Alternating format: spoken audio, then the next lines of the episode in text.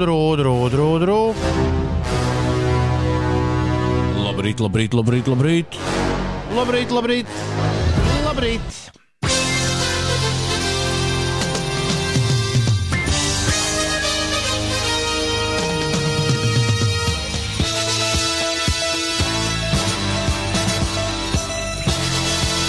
Ar seju sniegā, ar seju sniegā. Es ceru, ka neviens nav ar seju sniegā trāpījis šajā rītā, bet uh, viss ir tieši tā kā tika prognozēts. Sniegs ir palicis nemainīgā daudzumā, un tādā daudzumā viņš arī paliks uh, kādu nedēļiņu, jo tagad, tagad tikai termo, termogrādus ja, pašausim. Mēs uh, nu, tādus augstākus. Labrīt, Ulu, labrīt, Ines. Labrīt. Ā, Jūs te man Labrīt. pēdējā Man brīdī jau likās, ka vakar mazliet. Jā, jā, saki. Nē, man jau likās, ka vakar mazliet tā kā bija biesāks, ka tā kā pakusa drusciņi. Ej, nu ej. Kur tas kusa? Nebija, nebija. Tas bija sāls sakaisītais. Ā, Un tad iet pa ielu, jumtiem pilēja, ja? iet pa ielu, un tad tā liekas. Var jau būt. Ā, Dažiem jumtiem arī vajag uzskaisīt, jā. Rītdien mīnus 8, sestdien mīnus 11. Bet tās ir siltākās temperatūras. Var, var jau baidīt un teikt, o, šodien mīnus 9, rīt mīnus 12, sestdien mīnus 16, svētdien mīnus 17. un Tas viss pilsētā. Bet tās ir nakšu temperatūras. Tas ir tad, kad rīktīgi augsta būs. Man, uh, Tad, kad ir mājasēde. man jebkurā gadījumā ir. Uh, es esmu priecīgs, jo man kaut kāds ļoti interesants dators ir mm, iebūvēts iekšā siltumkatlā. Viņš darbojas pēc tādiem ļoti interesantiem noteikumiem, bet šobrīd viņš ir sapratis, ka ir ziema un viss māja ir rīktīgi piekurināta. Un, un es par to esmu priecīgs. Un man vispār liekas, ka laikam viņš ir arī kaut kā sapratis, ka vajag garāžu bišķī pakurināt vairāk, jo tās mocības, kas bija jājūt pirms nedēļas, tādas tās vairāk nav. Labrīt, ir 4 minūtes pāris Kā viņš apgaisoja radiators. Uh, jā, vai arī es pats. Nu, mēnesis sardzīgi pa sapņiem. Uh, labrīt, šeit uh, pieci rītī, ja, katrs no mājām, un šīs, lai arī Ziemassvētki beigušies, dāmas un kungi, ir Dronets. Trīs dāmas no 60. gadu sākuma no Spāņu Hārlemas, Ņujorkā. Es uh, viņdien noklausījos viņu vienīgo albumu 60. gadu sākumā, uh, klajā nākušo The Fabulous Ronette. Un uh, tikai tad man pielica, ka nevis nu, ka pilnīgi netīšām tā, tas skanējums, kā viņas skanēja, ir uh, kļuvis par Ziemassvētku mūzikas skanējumu, jo, un nevis otrādi. Jo nu, vienkārši Fils Spektors uztaisīja ar. uh, Tad, kad viņas piedalījās tajā viņa grandiozajā Ziemassvētku albumā, no kura arī ir, ir viņu vispopulārākā dziesma par to, ka jābrauc ar ragaviņām. Uh, jā, iesaistīju to dziesmu tieši tādu, kā uh, skanēja vispārējā mūzika tajā laikā. Bet uh, visu pārējo mūziku tajā laikā cilvēki aizmirsa, bet Ziemassvētku dziesmas atcerējās. Vai Ulu, tu noķer, ko es mēģinu pateikt? Nu, īsti nē. Nu, proti, Lasīju nesen par filmu Spektoru, par to viņa skaņas sienu un ko tur vēl ļoti interesanti. Ko viņš darījis revolucionāru. Nu, to, Bet, ka eh, nevis, nevis uh, tad, kad tu paklausies pārējās dziesmas, tad nevis tā ir. Uh, nu, šeit arī bija dzirdams vārguļi un vēl neskas, kas it kā ir Ziemassvētku mūzikā. Bet nevis tas ienāca Ziemassvētku mūzikā, nevis Ziemassvētku mūzikas dēļ, bet tāpēc, ka pārējā mūzika skanēja tā tajā laikā. Šī bija dziesma Walking in the Rain, kurai nav nekāda sakara ar Ziemassvētkiem. Uh, jā. Nu, varbūt jā. Slavenākais Ronēts gabals ir uh, jā, šis, nu, tas tā, lai ieskicētu. Tur, kur zirdziņš skrien pāri sniegiem, pāri pļavām.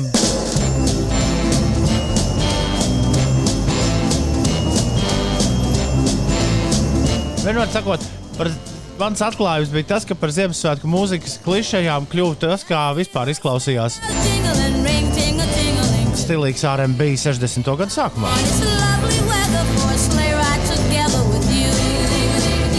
Labi. Pietiks nu te ar Ziemassvētku melodijām ņemties. Ziniet, kas ir visstulbākais strādājot no mājām? Ka visiem repiem mums ir uh, tīrītas versijas, kuras no mājām es nemaz nevaru savādāk nospēlēt, kā tikai bišķi savas, uh, kā teica vakar, Uldis, līkās rokas. Vispār pareizi jau jāsaka, ro, kā. roķelis. Jāsaka, pareizi. Tu- Tas teiciens pareizi ir roķelis, nevis roka. Savas liekas roķeles man te kaut kā ir jāizvelk. Līdz ar to es nevaru kurā katrā brīdī uzspēlēt repu. Tad, kad reps sākās, tad cilvēki maz nelamājās viņā. Es šobrīd bišķi esmu iestrēdzis mu muzikāli šī iemesla dēļ.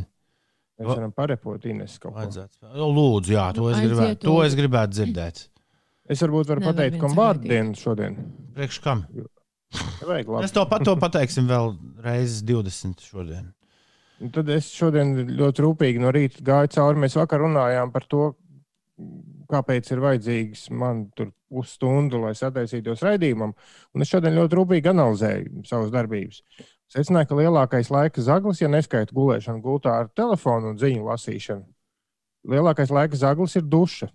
Bet, nu, jā, bet bet tu tur, tam laikam, kad tu pamosties, pieskaiti klāt arī to laiku, kad tu esi tikai atvērs acis vaļā Jā. un skaties telefonu. Ah, nu, Nu- nu, tad es arī gandrīz ceļos tikpat agri.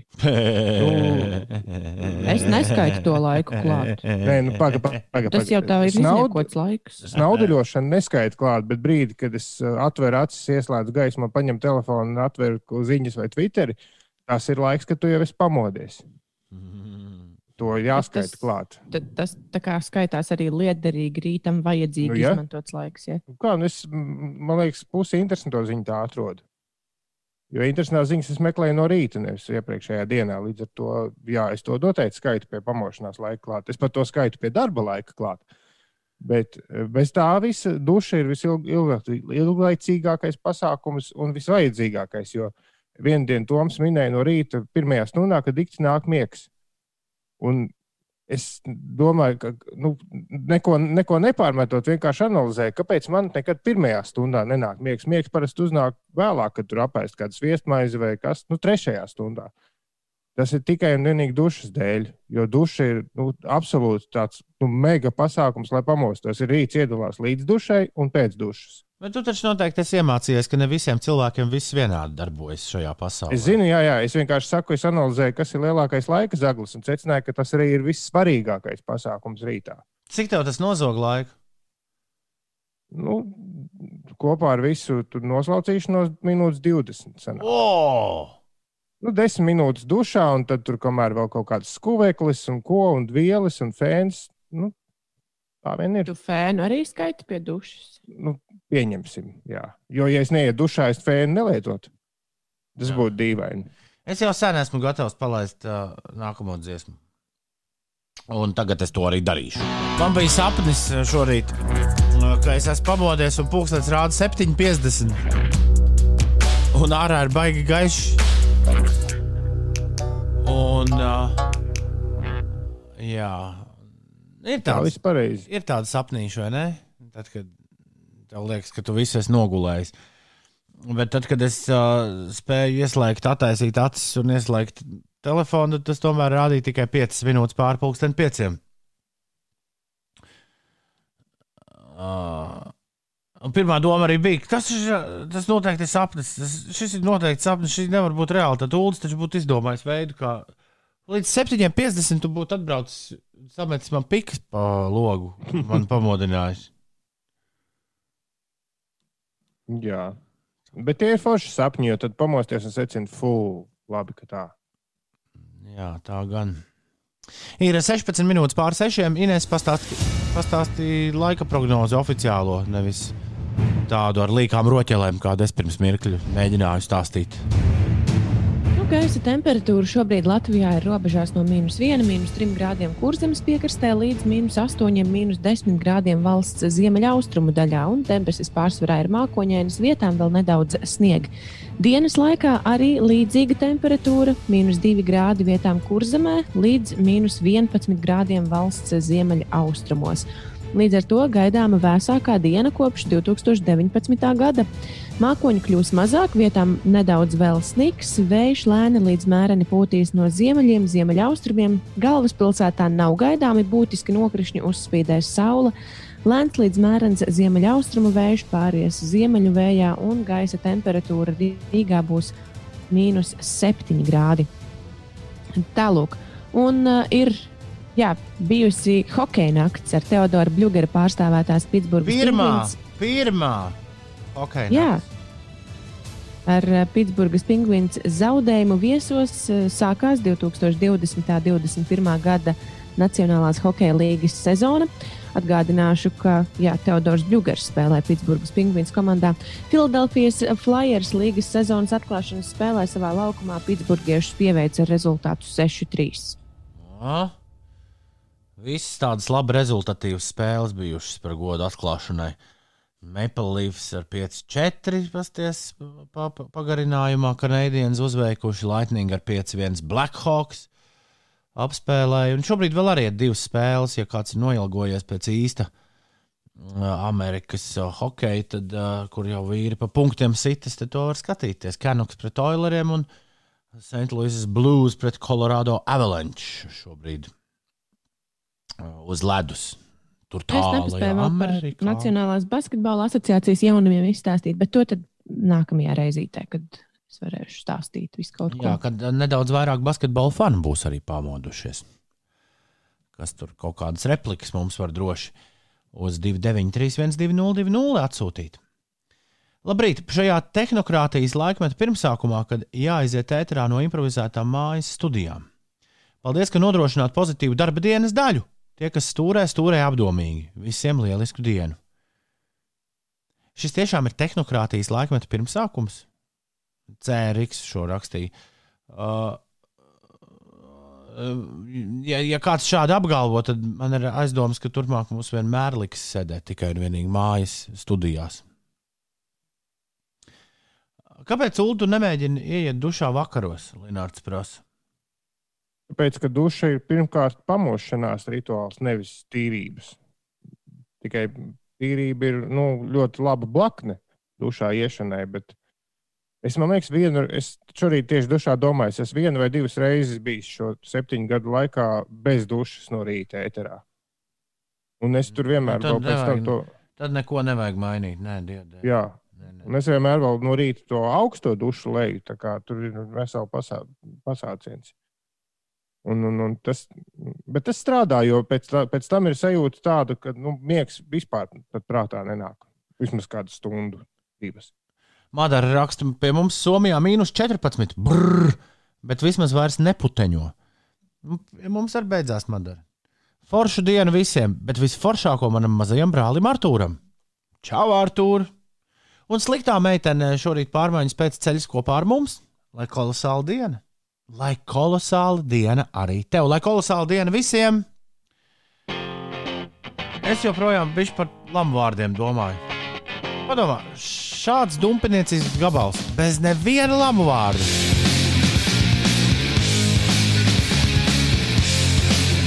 Visiem jaunajiem vajadzētu aizdomāties to. Labrīt, Dīdzis, taksists jau stundu darbā.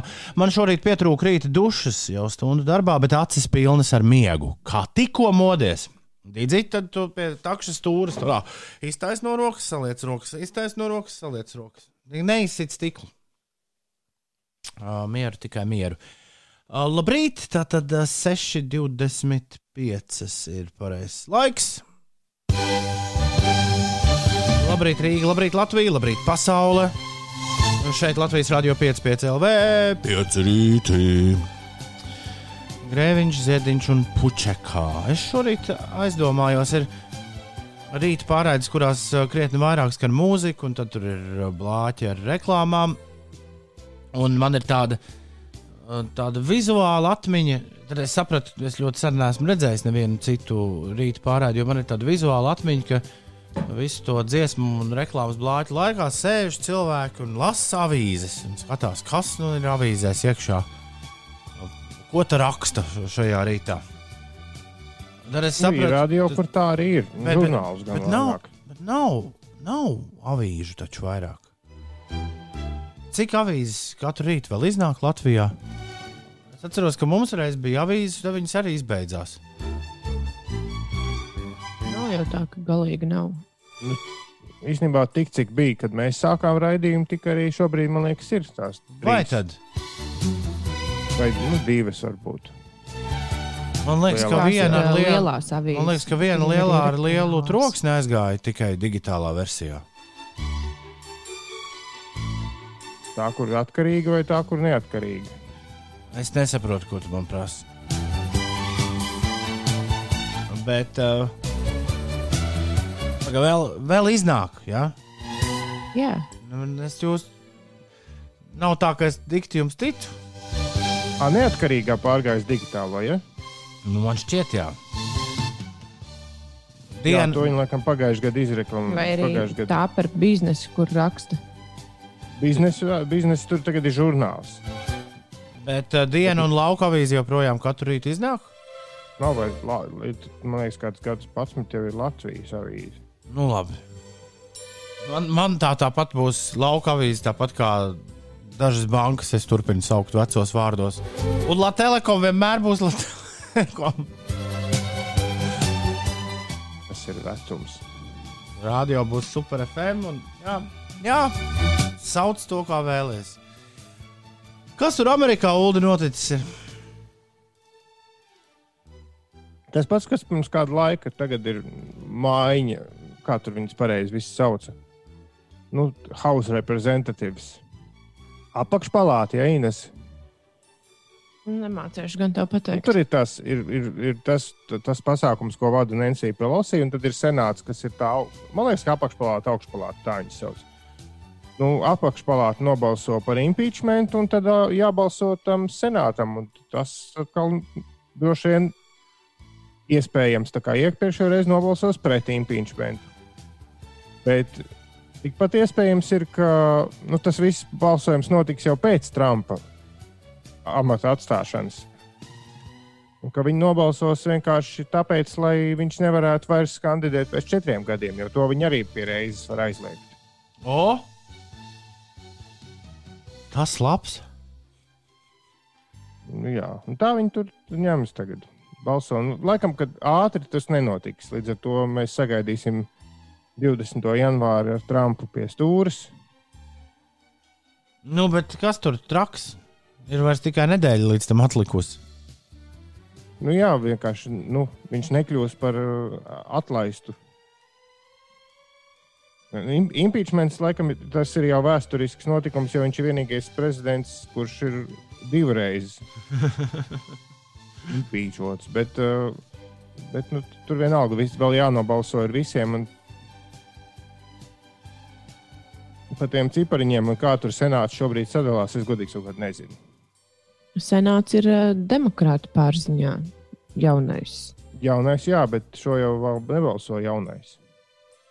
Man tā liekas, ka viņi taču, vai viņi uzreiz ir stājušies spēkā jaunie. Nu, var sakot, mēs, nezinu. mēs īsti labi nezinām. Kopš pagājušās trešdienas, kad tur notika tas viss bardaks, tas kaut kā ir pārņēmis pārējo informācijas telpu par ASV. Nu, tā apmēram tur notiek. Joprojām ļoti daudz slimo un mirušo. Jā. Bet uh, pie mums arī, starp citu, nu, pretēji, pretēji iedzīvotāju skaitam. Daudz ir, Tiesa, jā. daudz ir īstais vārds, ko uh, uh, tikmēr visi, visi sasistām plaukstām gaida, kad tad nu sāksies špricu došana. Nē, es uzdūros, es uzdūros rakstam šorīt iedzīvotāju pieteikšanās, va- savas avīzes digitālās, jā, lasot, iedzīvotāju pieteikšanās vakcinēšanai pret covid-19 atvieglos procesu plānošanu. Man uzreiz es sāku interesēties, kur te var pieteikties. Bet rakstīts, lai nodrošinātu ja to vakcinēšanos, izveidos brīvprātīgās vakcinēšanas projektu un plaša mēroga brīvprātīgi iedzīvotāju pašpieteikšanās vakcinācijai tiks sākta tiklīdz to ļaus tehniskās iespējas. Nu, jā, viņi uztaisīs sistēmu, jo šobrīd ir tā, ka ik pa laikam kāds atsakās, un teorētiski jau būtu forši, ja būtu tāda nu, kaut kāda virtuālā rinda vai kaut kas tāds. Jo es vakar tur diezgan garā Twitter diskusijā ie, ie, iekritu nejauši, jo Viņķaus kundzes pēdējās darbdienās tā kā tika nopubliskots saraksts ar secību, kādā tiks vakcinētas dažādas nozaru grupas, un uh, kā rakstīja Pāvļots, arī Twitterī, ka šo, šis te saraksts joprojām ir spēkā. Un, nu, tur, tur mil, būs milzīgi ņemšanās un diskusijas. Kāpēc, piemēram, nu, nu labi, kaut vai, kaut vai mēdīņu darbinieki, kāpēc ir kaut kādā veidā prioritāri pār citiem, vai, vai, vai Un vai būs? Un vai būs? Jo es atceros, ka tad, kad, uh, tad, kad visi lielā testēšanās sākās, kas bija neatceros kad. Bet, um, nu, kā nē, pat- patiesībā pavasarī, tiklīdz tev parādījās puņķi vai iesnes, tad bija jātestējas, vai arī jāsēž desmit dienas mājās, vai, vai 14, vai, vai kā tur bija. Bet es atceros, ka mm, mēs, mēs jau arī nevarējām pretendēt uz uh, bezmaksas testiem tajā laikā. Nu, tur vienā brīdī likās, ka varēsim, bet tad, tad nevarējām. Līdz ar to arī nav skaidrs, vai, vai mūs visus trīs, vai mēs visi trīs tiksim pēc o, riska, riska grupām un mediķiem ieskaitīti ja, tajos operatīvajos darbiniekos. Un galvenais jautājums, kāpēc? Jā, bet nu, tajā sarakstā šobrīd ir tā, ka mājā pēc tam tur ir. Nu, A, tur, jau ir, aprīlis tur jau ir zināms uh, par mēnešiem, mums pa izstāsti. Nu, jā, tur ir viss uh, februāris, ir tur viss sākot no. Es, nu, ļoti garš tas saraksts, bet tur ir februārī 90 gadu vecums, 80, 89, 70, 79, tad invaliditāte, aprūpētāji, Okay. epidemiologi, policisti, robežsardze. Tas nu, izglītības iestādes, starp citu, arī ir februārī. Tad martā ir seniori virs 65. Un grupa, kurā pagaidām, diemžēl, esmu arī es, personis ar visaugstāko pierādīto risku, kas jaunāks par 60 gadiem ar šād- šādām kroniskām saslimšanām, ir audzēji, asinsvadu slimības un ķermeņa masas indeks virs 30 kg uz kvadrātmetru. Un man, diemžēl, ir šobrīd virs 30. Man vajadzētu nomest kaut kādus 8 kg, lai es nebūtu šajā grupā. Vai tu to vēlēsies izdarīt? Līdz martam varbūt arī, ka nē. ok. Nu, jā, bet tad tur, tad tur aiziet tur kaut kas. Un, un mājā tad ir prioritāro iestāžu darbinieki. Tur ir valsts pārvaldes institūcijas ministrs kabineta locekļi. Tas ir mazs skaits līdz tikai 200. Veselības nozarē kaut kādi vēl 200 pēdējie palikušie, konsulārie pārstāvniecību darbinieki, ārlietu ministrija, mediju nozarē nodarbinātie. Kurā mēnesī profes- tas ir? Mai, eh, maijā. Un Maijā. profesionālie skatuves mākslas kolektīvu darbinieki. Nu, un finanšu sektora, zemkopības nozare un tā tālāk. Nu, ja, ja godīgi, es baigi nesaprotu, kāpēc šis ir svarīgāk, piemēram, par veikalu pārdevējiem. Kas tiešām. Nu, bet e, var jau saprast, e, nu, tos, kas to visu organizē, jau kaut kādai secībai ir jābūt. Nu, Mm. Un nekur jau nav teikts, ka veikala darbinieki arī nebūs tajā martā, aprīlī vai maijā. Nu, nu, mēs vēl nezinām īsti, kā tas tur viss, bet tas dokuments, kas šobrīd ir, tādas ļoti dalītas jūtas uz to visu skatoties. Jo nu, tajā brīdī, kad ar doktoriem un skolotājiem ir tikts galā, tad man liekas, ka viss pārējie plus mīnus ir tiešām vienā. Tajā. Nu, jau vien veikala pārdevējs, ja? kā tu teici, vēl Nu, tos, ar- neuzstājas. Nu, tos, kas ar daudz cilvēkiem ikdienā saskars. Degvielas uzpildes stācija darbinieki arī droši vien ir diezgan riska grupā. Jā. 6 un 35 minūtes. Mājas, tu saki.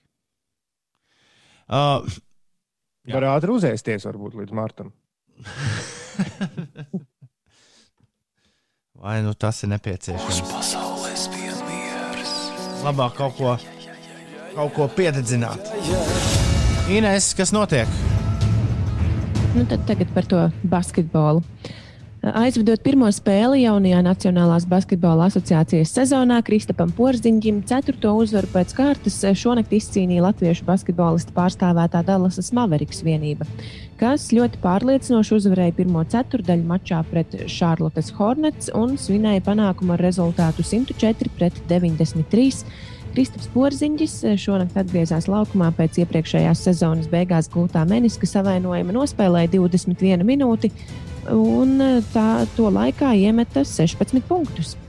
Nacionālās basketbola asociācijas zvaigzne James Hardens eh, maiņas darījuma rezultātā ir nonācis Brooklynas Nets rindās, taču pretējā virzienā uz Houstonas Rockets ir aizmainīti virkne eh, spēlētāji no Brooklynas Nets, tostarp arī Rodions Kuruts, tā ziņo ESPN apskatnieks Adrians Voģnerovskis. Bet Falks mums vairs nav turpmāk. jāuztraucās vairs par uh, Brooklynas nets. Turpmāk, jā, mums būs jā, jāfano par Houstonas Rockets eh, vienību. Un vēl par sporta Latvijas biatlonistas Baiba Bendika un eh, Sanita Buliņa šodien pasaules kausa sestajā posmā Oberhofā aizvadīs sprinta sacensības. 7,5 km garo distanci sievietes uzsāks pulksten pusčetros pēcpusdienā, un to varēs skatīties Latvijas televīzijas 7. kanālā. Jā, no Houstonas uz. No Houstonas uz, uz, uz. Nē, otrādi. No Brooklynas uz Houstonu. No Brooklynas uz Houstonu tas tā kā pārcelties vienā brīdī, tev pasaka, no Vācijas tev ir uh, jāpārceļas uz. Pat, nezinu, kas būtu tāds labāks salīdzinājums. Pat Eiropu negribas minēt. Nu, kaut kur, kaut kur uz Āfrikas augšu. Un Tad tu vienā dienā sapako mantiņas, un tad ā, es pilnīgi citā pasaulē. Tāds tiem sportistiem ir tas mūžs. Uh, Houstonas Rocketiem šobrīd, man liekas, vis, visdraņķīgāk iet no visām mūsu uh, komandām. Nosacīti mūsējām. Nē, Vašingtons Wizards ir vairāk uh, zaudējuši spēles. Vašingtons Wizards ir pilnīgā apakšā, vai ne? Tiem, tiem ir rīktīgi ziepes. Nu, viņi ir citā konferencē, nevis uh, tajā, kur Houstonas Rockets. Bet, uh, bet jā, Dallas Mavericks toties ir piektie pēc šīs dienas spēles. Piektie rietumos. Ļoti labi, ļoti labi. Tā, es jau kur pat atradu karti, kur ir Amerikas pilsētas uzlikts uz Eiropas. Apmēram Houstonā sanāk, ja Amerika uzliek uz Eiropas kartes, Houstonā sanāk kaut kur pie Kairas, Eģiptē. Jā, tā, tā arī man likās, Jā. ka tā ir Āfrikas augšā jau. Jā. Un Ņujorka ir, uh, nu, vispār Ņujorka ir plus mīnus apmēram ap Stambulu. Grūzijā Ņujorka ir ielikta. Tā ir ā, 6,43 meitenes un zēni, dāmas un kungi. Bēdīgi slaveno mērķu spēli jāspēlē. Pagājušā ceturtdienā mēs to veiksmīgi aizpļāpājām. Šonadēļ es neļaušu tam tā notikt. Bet kuram ir jāizslēdz savi aparāti līdz brīdim, kad pārējie vicinās ar rokām un māja, lai nāk un liek austiņas apakaļ? Ja mēs neskaitām Wolfu, tad tev būtu jāiet ārā. Ja mēs Wolfu skaitām kā tavu aizvietotāju, lūdzu, neskaitām Wolfu. Es, uh, es tad uh, ņēmu austiņas nost un mēģinu uztaisīt klusumu sev šeit. Jūs tad mājiet man ar rokām, tad, kad man ir Jā. Jā. jānāk atpakaļ. Ja? Lūdzu, es Jā. atstāju jūs divi. tomēr tu mūs dzirdi, tomēr tu mūs dzirdi. Tom ļoti skaļi austiņas. Viņš mūs dzird. Jā. Uh, Vai tev ir kāda ideja? Nu, Es tā domāju par tām uh, basketbola lietām, bet tas droši vien būs pārāk uh, acīm redzami. Pārāk nesen. Ka viņš varētu būt kāds maiņas darījums vai kas. Es vakar staigāju pa meža parku, un tieši pa to ielu, kur Toms agrāk dzīvoja. Un uz tās ielas viens vīrs ā, pie bērnu dārza tīrīja sniegu ar sniega traktoriņu. Mhm. Un sniega traktoriņus redzēju arī Reņģa sējā, ne mājas sējāns Instagramā. Nu, to traktoriņu, ko pats stumja ar rokām, tā kā tādu ķēru. Un ā, viņš tur savāc sniegu un tad pa sānu pūš ārā. Pūš ārā. Jā. Tas ir sniega traktoriņš, vai ne? Tas laikam nav sniega pūtējs. Tas laikam ir sniega pūtējs. Jā. Ja? Nē, nu, ā, man ar sniega pūtēju vairāk asociējas tas, kas ir kalnos, kas, kas rada sniegu. Sauksim man to par liekas, ir sniegu. arī tāds, kurš var nopūst kaut kā to sniegu. Ne? Nu, jā, jā šis, tas īstenībā ir sniega pūtējs. Pareizi, Nu, tu saki. tad tu saki, ka viņš varētu būt sniega pūtējs. Sniega man pūtējs, patīk jā, bet- īstenībā. Bet tas, kas nevis tas, kas rada, bet tas, kas aizpūš prom, nu, tīri. Jā, Var der arī sniega traktoriņš, ja kas. Jā. Okay? Blā, blā, blā, blā, blā, blā, blā. Jā, halo! Hei! Nebija nemaz tik ilgi, man liekas, mēs ļoti ātri šoreiz. No, jā mums bija ļoti konstruktīvas sarunas. normāli. Normāli jums bija. Tā, vai es esmu dzīva būtne? Nē, Vai es esmu priekšmets? jā, Vai es esmu liels priekšmets? es teiktu, ka jā. Nu, Ja, nu, protams, ar ko salīdzina. Nu, tāds, ko nevar viens cilvēks panest. Jā. Aha. Vai es esmu priekšmets, kurš ir redzams pilsētvidē?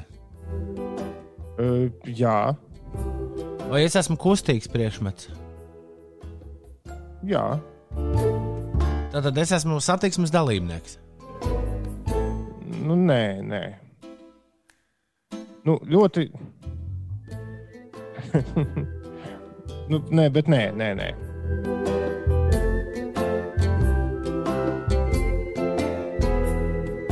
Vai man ir kāds sakars ar ziemu un sniegu? Jā, Vēl par to kustību. Es uh, parasti vienkārši stāvu uz vietas kaut kur.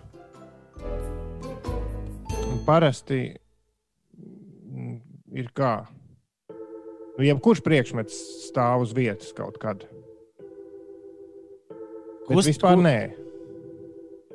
Bet tu teici, ka kustībā es nepiedalos. Nu, satiksmē. Attiksmē. Nē, nē. satiksmē nē. Bet, uh, Bet tā es kustos. jā.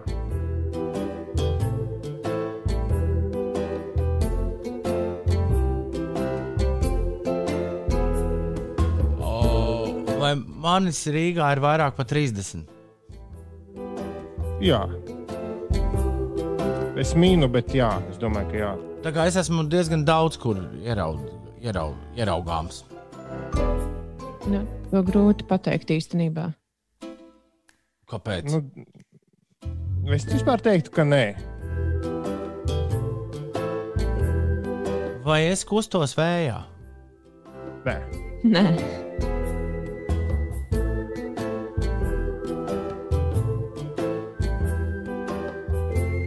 Vai mani kustina kaut kāda automātika? Jā, jā, jā. Vai uz mani cilvēki skatās? speciāli īsti nē. speciāli nē, bet es vakar skatījos. Vai es atrādu kaut kādas reklāmas? Nē.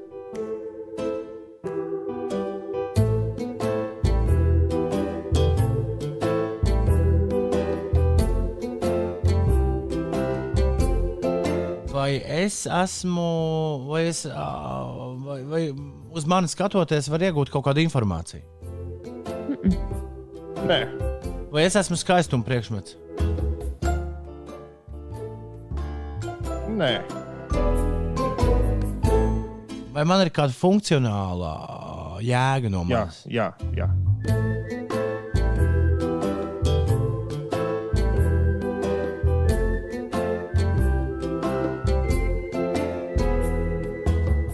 tad man bez elektrības vadiem, kas nepieciešami tramvajam un trolēļbusam, vispār nekas nenāk prātā.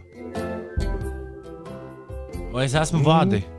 Nē. Nē, Par to sniegu sākumā jautāja. Nu, un spēle ir beigusies.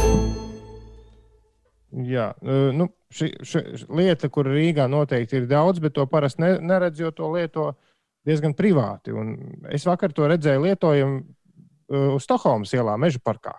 O, Un vēl redzēju Reņģa sējānu Instagram. Vai mājas sējāns. Tas ir sniega traktoriņš. Jeb sniega pūtējs, kā Inês pareizi un palaboja. tas nepiedalās satiksmē. Nē. nē.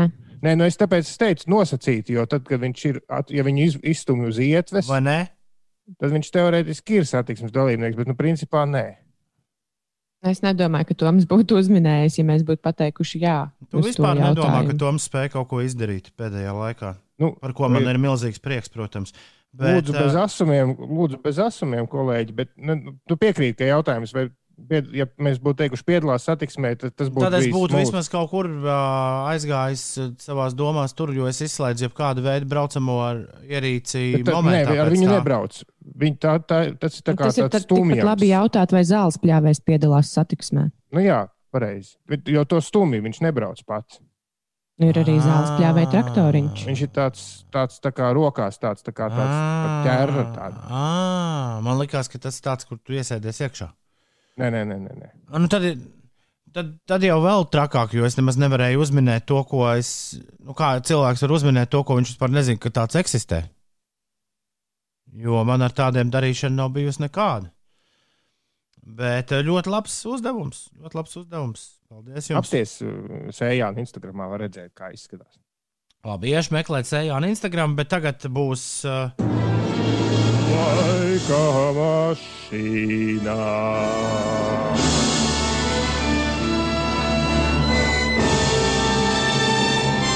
Es viņdien šo šķetināju.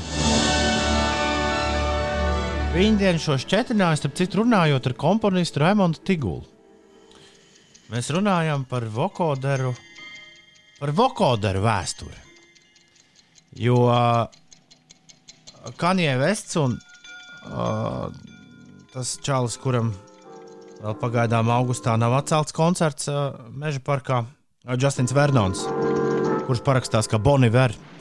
Kanjē Vest un Boniver ir atbildīgi pie tā, ka viņi padarīja vokoderus, kas nozīmē, ka tu dziedi mikrofonā, bet jau vēl pārvērsties un visādi aparātiņu palīdzību par, nu, tur, par, domāju, par tu- sintēzatoru principā. Nu, lūdzu, nejaucies, lūdzu, nejaucies. Genovēvas dziesmā dzirdējām vokoderu ļoti daudz. Jā, jā, bet par stilīgu lietu to tādu, ko jālieto bezmaz ikvienam stilīgam mūziķim, ko viņi ir arī darījuši Amerikas uh, mūzikā vismaz. Uh, jā, pie, tā, pie tā atbildīgs ir Boniver un Kanye West.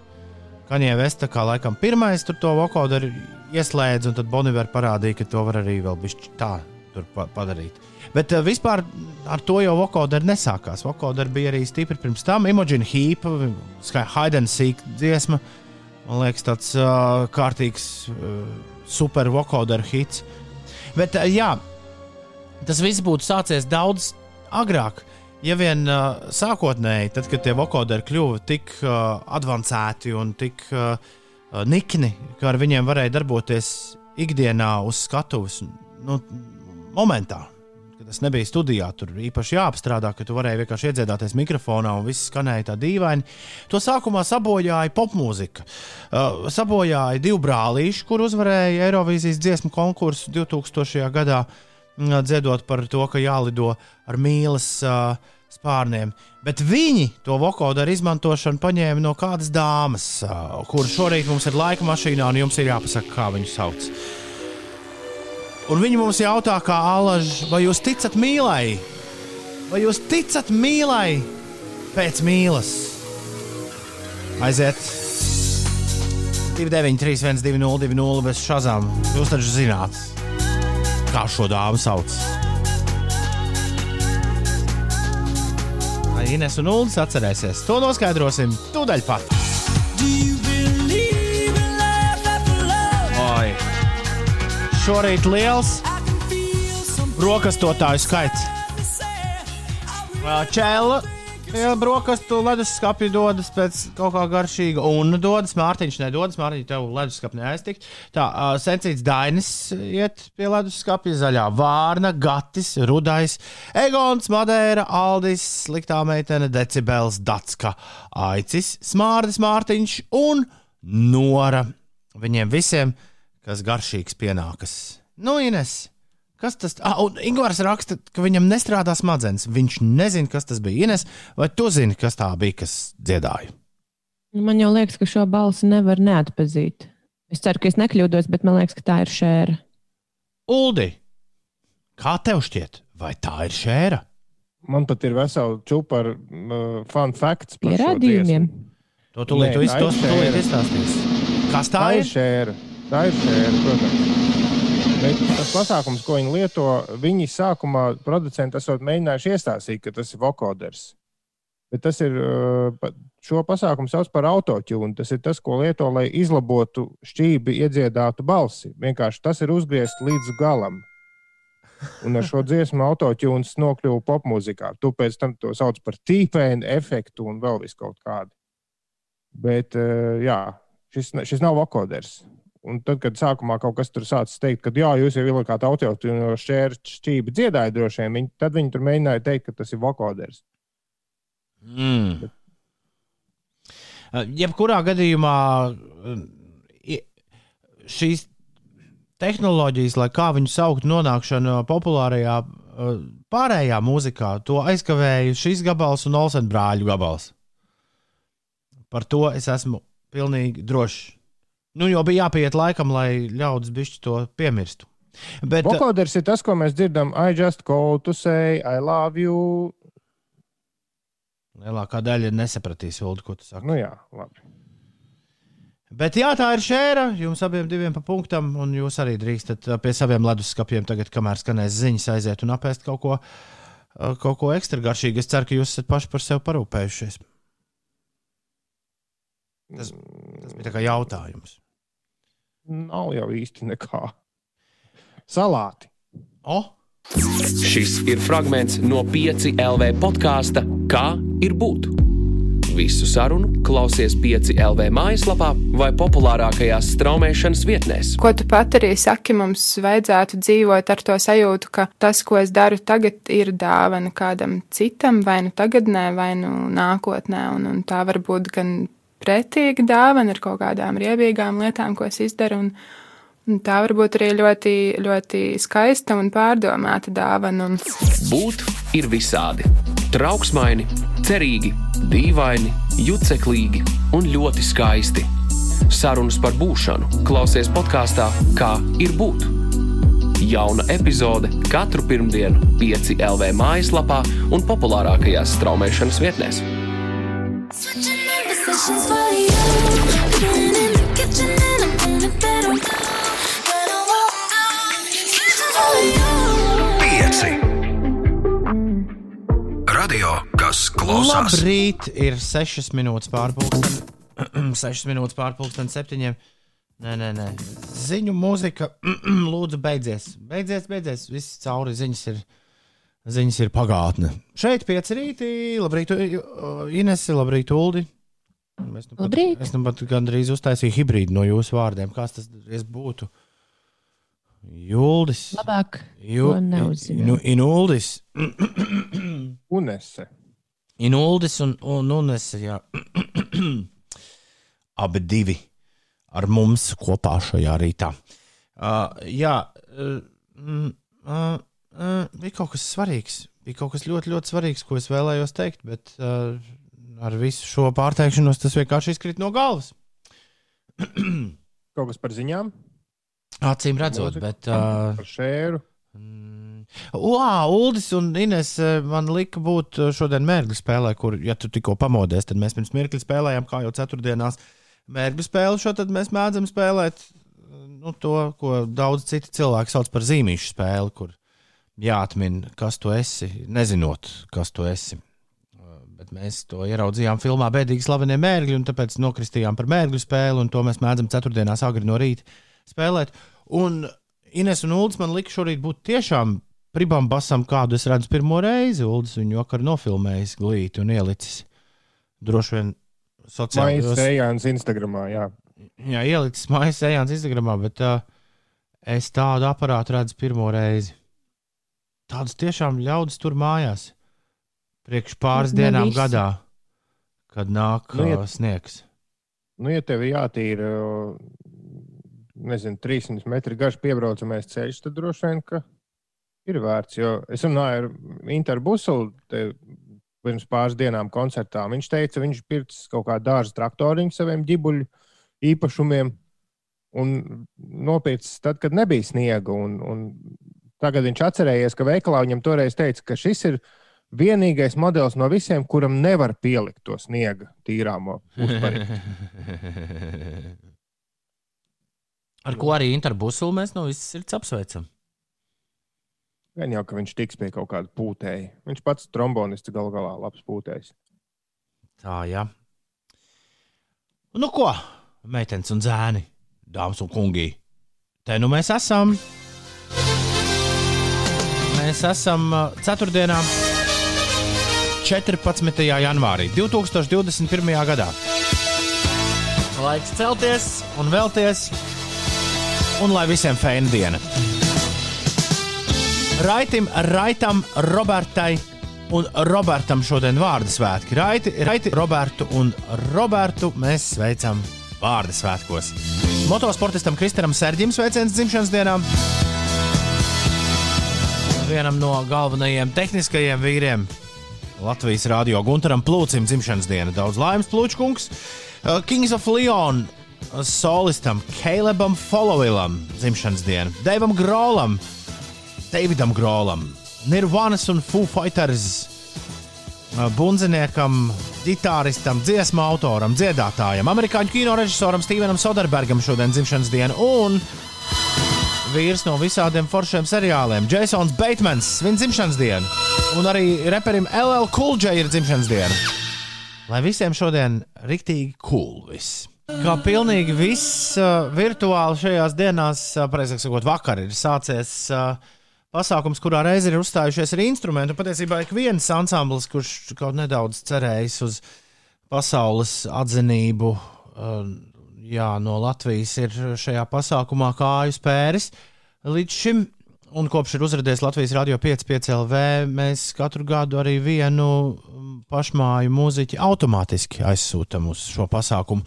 Nīderlandē, Groningenā parasti notiekošā mūzikas konference Eurosonic notiek absolūti virtuāli, un es pat teiktu, vismaz priekš mūzikas industrijas, ļoti tādā sakarīgā veidā. Ir uh, četri video kanāli, kuros tiek raidīti pašu jauno mūziķu sagatavotie koncerti no visas Eiropas. Es vakar tādu bulgāru ulu redzēju. Ui! Gaidot mūsu, mūsu izvēli, kur bija ielikt jau vakar, vakar vakarā, vienīgā, pareizāk sakot, pirmā pašmāja mūziķa, kur saņēma dažādus prestižus, prestižu izdevumu recenzijas pērnā gada sākumā. Saina Libra vakar uzstājās no Fonstrītska vilnas. Eurosonic mūzikas konferencē. To būs iespēja kaut kur redzēt. Visi, šo, visi šie video klipi vēlāk būs pieejami, lai tos skatītos vēl un vēl un vēl. Galīgi kauns nebija jā, par, par dāmas uzstāšanos. Tā viena lieta, bet otra lieta, ka ik viens no jums ir aicināts ierakstot Eurosonic, jā, kaut vai Google, doties. Un šovakar atkal būs sākot man šķiet no kādiem sešiem vakarā, tik daudz jaunas un interesantas mūzikas, mūzikas Eiropas. To droši var iet un skatīties un, un klausīties, un par to šogad nav jāmaksā it neviens cents. Un mūzikas industrijai Ulu viņa savukārt piedāvā konferenci par 50 eiro. Tas man arī likās ja, nu, jauki. Ja ikdienā, lai tur sēdētu konferencēs un klausītos, kur runā onkoļi un tantes, ir jāmaksā tur vairāk simti. Tad šoreiz tas ar palēto šajā laikā. Nav viesnīca jāmeklē. Es vienīgi, vienīgi nezinu, vai ir vajag jāiet klausīties, kā visi raud par to, kā, kādu nu, laiku pienākuši. Bet, bet uh, tiem, kas darbojas šajā industrijā, tas noteikti dažiem ir svarīgi. Nu, re, uh, vienmēr sakot, Eurosonic Norderschlag ir, uh, ir gaisā arī tad, kad mūziķi nevar satikties. 16 minūtes pāri pulksten septiņiem. Mani nav jāsveic raksta diplomāts, bet Laura ir vislabākā. Vēl viena lieta, kas mums saista ar Nīderlandi, ir ne tikai Eurosonic mūzikas konference, kas notiek katru gadu janvārī, bet arī dāma, kur dzīvo Amsterdamā un visu laiku raksta jaunas dziesmas. Šis ir jaunākais Annas sacerējums ar trīs N burtiem. Anna un Happy Pill turpinājumā. Labrīt visapkārt, Ines, kas notiek? Šorīt Rīgā Pētersalas ielā ir izcēlies paaugstinātas bīstamības ugunsgrēks, un dēšanas darbu dēļ ir ierobežota satiksme, tā skaitā arī tramvaja kustība. Ir traucēta piektā tramvaja kustība, un kā Rīgas satiksme raksta Twitterī, tad devītā maršruta tramvaja nekursē vispār. Pagaidām. Cerams, ka situācija mainīsies un eh, uzlabosies. Par situāciju uz eh, valsts nozīmes autoceļiem Latvijas valsts ceļi ziņo, ka valsts centrālajā daļā ap eh, Rēzekni, ap Krāslavu, arī Liepājas, Ventspils pusē tur situācija ar autoceļiem ir samērā laba, bet citviet Latvijā gan autoceļi ir slideni un apladojuši un sniegoti. Tāpēc esiet prātīgi braucēji gan pa valsts nozīmes ceļiem, gan reģionāliem autoceļiem. Tālāk par laikapstākļiem šodien. Dienas laikā gaisa temperatūra Latvijā būs robežās no mīnus 2 grādiem vietām kurzemes piekrastē līdz pat mīnus 11 grādiem valsts ziemeļaustrumos. Līdz ar to gaidāma vēsākā diena kopš 2019. gada. Mākoņu kļūs mazāk, vietām nedaudz sniks, vējš lēni līdz mēreni pūtīs no ziemeļiem, ziemeļaustrumiem. Galvaspilsētā nav gaidāmi būtiski nokrišņi, uzspīdēs pat uh, saule un gaisa temperatūra Rīgā - minus 7 grādi. Labrīt, vēlos nodot mīļus sveicienus dēliņam Raitim Cekulam vārdu dieniņā. Jaukus sveicienus sūta māma, tētis, māsas un brālis ar ģimeni. Raitīs, sveiciens vārda dienā! Eva saka, paldies, ka uzlika mesas mantru. To mēs dzirdējām pirms mirkļa. Evai tā ir skriešanas himna. Tagad jau vairs nav jautājumu, pagulēt vēl vai doties skriet. Es eju skriet, lai veiksmīga diena. Es vēl pagaidīšu, lai vēl lielāka mīnus uznāk, un tad ies paskriet. Un paskatīsies, kas tur būs ar tiem pulsiem un, un pulksteņiem, par kuriem vakar mēs nedaudz ierunājāmies. Un Elai savukārt bēda, ka mūsu internetā normāli nevarot paklausīties.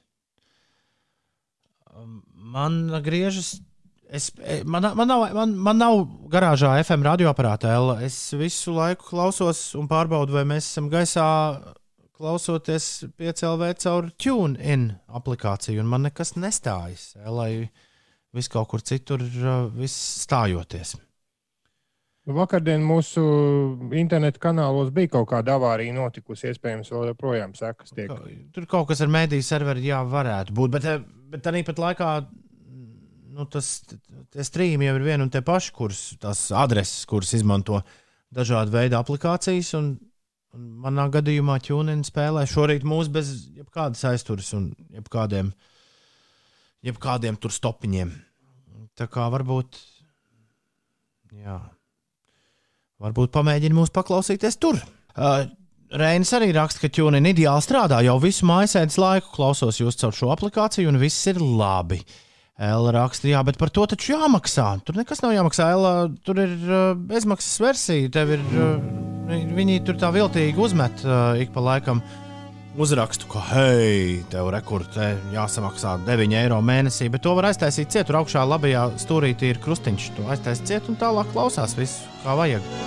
Un, uh, tā nav vienīgā aplikācija, kas labi iet. Rekurors Zaķis saka, ka viņš mūs klausās visu laiku caur Replyo radio app, un viss arī esot ok. Tā kā Elai vēlējums tomēr nomainīt lietotni, kurā viņa mūsu ikdienā klausās. Ir 31 minūte pārpusdienas, septiņiem ir ceturtdiena, un ceturtdienās parasti nu, minūtiņas dažas agrāk, bet uh, šodien sanāca, cikos sanāca. Laiks visiem sasaukties 293, 202, ja tu esi augšā, ja tu dzirdi manu balsi, atsūti īsiņu un pastāsti, kā tev iet mājās sēžot vai auto sēžot šajā rītā. 293, 202.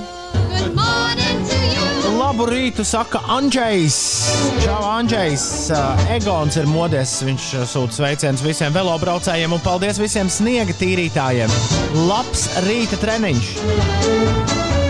Tāds priecīgi, ka pamodusies jau ceturtdienā, otrā darba nedēļas skrien finiša taisnē, lai visiem jauka un veikla ceturtdiena. Dāvis la, saka, labrīt. Viņš sēž traktorā un brauc tīrīt auto stāvvietas. O, labs darbs. Pečam viss kārtībā, viss slīd. Kāds anonīms ir joprojām kaža. Nē, sazina, kas ir, ir ceļā no mājām. Un uh, Krišānam tikko bērns bērnu dārzā un pats pa darbiem. Lai labs mums rīts. Paldies! Jānis Stričis savukārt saka, labrīt, labi, ka 13. datums ir beidzies. Aidžons saka, mājasēdē viss ir forši, sniegs ar nekādi netraucē, tikai aci priecē, un zaļā vārna saka, ka jādzer siltā kafija un jāsāk kustēties, lai izdodas. Sveiciens šajā burvīgajā rītā maniem visforšākajiem kolēģiem Mārim, Vinetai un Koda guru Andai. Raksta Imants. Labrīt, Imants. Diplomāts ir modies no Jūglas līdz Krasmalai 18 minūtēs. Ideāls attieksme šodien esot. Un Arthurs raksta, labrīt, tikko beidzu rīta sportiņu, taisa brokastis un tad uz darbu. Veiksmīgi jums dienu piecīši un nododiet Paulai sveicienu, kur jau brauc uz darbu. Paulā, sveiciens tev! Labrīt, brokastu vēders pilns, silts auto sēdeklis un aiziet darbos. Lai fantastiska diena, tā ir raksta lauma. Ievai um, iesūta labrīt, sveiciens visiem šajā skaistajā rītā no manis visiem. Esmu darbiņā un domāju par savu mīļāko cilvēciņu, kā gribētos būt siltā sedziņā ar tējas krūzi. Bučas visiem, lai viss forši. Un Dārcis saka, labrīt, nav nekādas mājasēdes, divi transporti un darba dūna pilnā sparā. Lai jums forša diena, man tāda jau sākusies. Super, Dārcis! Labrīt, raksta arī Oskars. Viņš brauc uz darbu un priecājas par to, ka beidzot ārā ir ziema. Nauris arī ir ceļā uz darbu. Uh, augsts, Anna, ja dzirdi, neskrien, ir slidens. Un uh, Līgo kungs saka, labrīt, kavēju darbu. Nekavē, nekavē, uh, skrienam. Lēnām. Labrīt, piecīši, raksta Elgita. Vēl cenšos pamodināt meiteņu māju. Jācenšas izbrist cauri kupenām uz dārziņu un tad jādodas šķūrēt ar kaimiņiem sniegu kopā. Superīgu ceturtdienu, lai superīga ceturtdiena arī tev, Elgita. Labrīt, piecīši, šodien smags rīts, jo gulēts nepilnas trīs stundas. Tas no sērijas NHL sezona ir sākusies, raksta Evelīna. Beidzot, sveiciens un labs rīts visiem hokeja draugiem! Un uh, Olafs uh, raksta, labrīt, brauc uz darbu un domāju, cik garas brīvdienas būs. Kā nekā vīriešu diena sākušās. Esi prātīgs uz ceļa, brauc trasē. Kas tās par vīriešu dienām? Nu, nezinu, varbūt Olafam kaut kādas tur. Jā, uh, Linda un Ilona Piķa Melnumā ir ceļā Rīga. Ceļā Rīga uz smilteni laikam. Anna saka, labrīt, pa dziļiem un netik dziļiem sniegiem, brienu uz darbu. Laba kardios lodze no rīta. Lai jauka diena. Un kā Sigūda Edgars sēž pilnīgi nezināmā teritorijā, ārprāts, ārprāts. Man ir pilnīgi cits telefona numurs. Vecais ir prom. Laikam zvanīšu pilnīgi visiem no telefona grāmatas, lai paziņotu. Varbūt aizsūta īziņu. Nu, tā varētu Edgars būt tā teikt, nomierinošāk. Lai visiem forša diena un paldies visiem, kas sasaucas un sasaucās.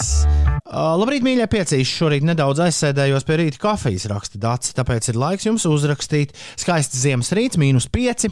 Ārā jau pamazām gaišāks kļūst, silta mašīna jādodas uz darbu, lai jauka mums visiem diena. Sasodīt slikti Anģiņam ir iesācies rīts ar secinājumu, ka ilgadīgais uzticamais rumaks jāvizina pie burvīšiem. Nu, tad, tad mašīna jāved uz servisu. Veiksmi visiem! Heisā Hopsā. Uh, Oskars prasa, kurā brīdī mēs par vakardienu, vakardien par pulksteņiem runājām. Kurā brīdī mēs runājām par pulksteņiem?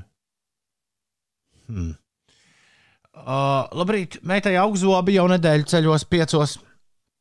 Tāda dzīve, Ilze. Gan jau kādreiz varēs pagulēt.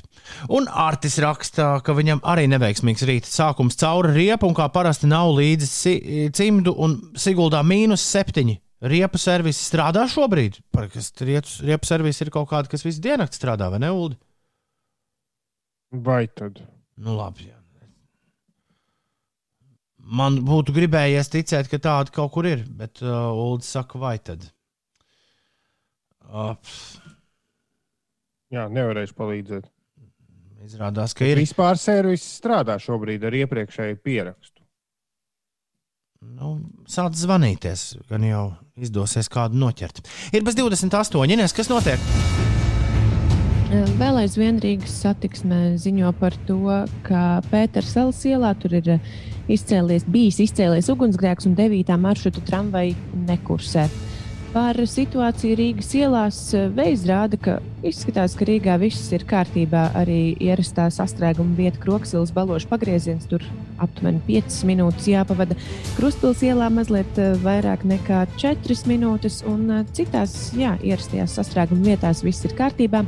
Pa valsts nozīmes autoceļiem tie gan teju visā valsts eh, teritorijā ir sniegoti un slideni, gan reģionālie, gan lielās šosejas. Protams, sniega tehnika rūpējas par to, lai ceļi būtu izbraucami un viss būtu kārtībā. Eh, Godalgotais amerikāņu kinoaktieris Toms Hanks 20. janvārī vadīs jaunievēlētā ASV prezidenta Joe Bidena inaugurācijas svinību televīzijas programmu. To pārraidīs Lielie Savienoto Valstu televīzijas kanāli. eh, Vēsta amerikāņu mediji. 90 minūšu sarīkojumā Amerikas svinēšana ar muzikāliem priekšnesumiem uzstāsies tādas zvaigznes kā Jons Bonjovi, Justins Timberlakes un Demi Lovato. Prezidenta inaugurācijas komitejas rīkotā televīzijas pārraide aizstās tradicionālās inaugurācijas ceremonijas svinības, kas šogad pandēmijas dēļ ir atceltas. Nu, re. Re, kur vairāki sarakstīja mums Siguldā, ka esot jābrauc uz servisu pie Latvijas naftas. No septiņiem jau strādā, riepiniekiem pierakstu arī nevajag. O, Kā Si- Siguldas Edgars raksta, un arī Siguldas Toms to pašu apstiprina. Pie Latvijas naftas kaut kur ir servis tur. ļoti labi. Ļoti labi. Uh, Olafs paskaidro, kas esot vīriešu dienas. Tās esot sniega dienas, ārā sniegs, vīri atpūšas izklaidējoties. Auto plus sniegs, izklaide garantēta. Kāpēc tikai vīri? Šis gan man liekas ļoti stereotipiski. Nu, gan jau kas sanāk tā, bet, bet dāmas saņemamies, tas ir forši. Labrīt, Latīns uh, raksta, gandrīz mēnesi nesmu tik agri cēlies. Attālinātam darbam ir savi plusi. Tā jau runā. Paldies visiem ceļu tīrītājiem Limbaģa pusē no mazā traktorista. Braucu un priecājos, cik ā, tīri ceļi. Un čupsīts ir cēlies. Viņš saka, nododiet sveicienu dāvim Nilam Danšinam septiņu gadu jubilejā. Viņam šodien vis, vislaimīgākā dieniņa. Tā sveic mamma Baiba, māsa Dairita, brālis Dairis un Elgars, kā arī Lauris. Uzminiet, kurš no viņiem ir čupsītis, kur ir parakstījušies. Ir uh, 7,43. Ir ceturtdiena, un ceturtdienās man patīk, uh, nē, Uldim patīk teikt šādi. Tomā biksēs. Ar to ambikses ir klāts. Labrīt! Nu, tad šīs dienas jubilārs, uh, lai uzrepo mums to ambiksēs, ja jau šādi ir iekritis. Mūziķis, kuru, ar kuru man vienmēr saistās pastaiga pa 110. ielu Ņujorkā. Uh, nu, tur, kur uh, man liekas, jau Hārlem lēnām sākas. Dēļ dziesmas, ko Bobijs Volmaks dziedāja senos laikos, un kas izmantot ir uh, Tarantino filmā Jackie Brown Across the 110th Street. Es reiz pēc uh, pamatīgas pastaigas Ņujorkā pa centrālu parku izdomāju, ka jāiet pa 110. ielu pastaigāt. Nu, ja jau tur pat blakām ir. Tur jau bija tāda sajūta, ka nu, diez vai vajag kāju spērt. Paldies Dievam, bija dienas vidus un, un gaišs, bet uh, vienā brīdī man sāk palikt nu, tā. Ja ne pat omulīgi, tad dīvaini, jo vienkārši visi pretī nācēji uz mani skatījās tādām lielām acīm, tā it kā būtu zvēru dārza dzīvnieciņu ieraudzījuši. Nu, lūk, un tur pa to 110. ielu staigājot, es uzdūros vienai skolai blakām uh, virsū, un pie skolas es pirmo reizi redzēju, kā hip hopu reklamē. Uh, amerikāņu zēniem un meitenēm. Bija piebraucis busiņš, kurš bija viss nokrāsots jaunā LL Kulģeja albuma uh, krāsās, un uh, uz busiņa bija skandas. Un tad, kad skolēni nāca ārā no skolas, viņiem dārdināja priekšā jauno LL Kulģeja albumu. Tas bija laiks, kad vēl mobilajos tālruņos neviens neko neklausījās. Bet uh, izrādās, ka tādā veidā tika pierunāti jaunieši iegādāties uh, stilīgu hip hop mūziku. Šis atgadījums notika 2006. gadā. Bet, nu jā, līdz ar to LL Kulģē man vienmēr saistās ar šo, ar šo pastaigu un, un ar faktu, ka es veiksmīgi tiku no tās 110. ielas arī nu, prom.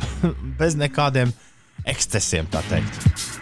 LL Kulģē šorīt viens no viņu Jubilārs. Jā, jubilārs. Viens no viņa grandiozākajiem skaņdarbiem. Aktieris un arī hip hop Uh, liels uh, vīrs, uh, viens no viņa grandiozākajiem skaņdarbiem viņa diskogrāfijā. Mama said, knock you out šorīt. Tom Biksēs.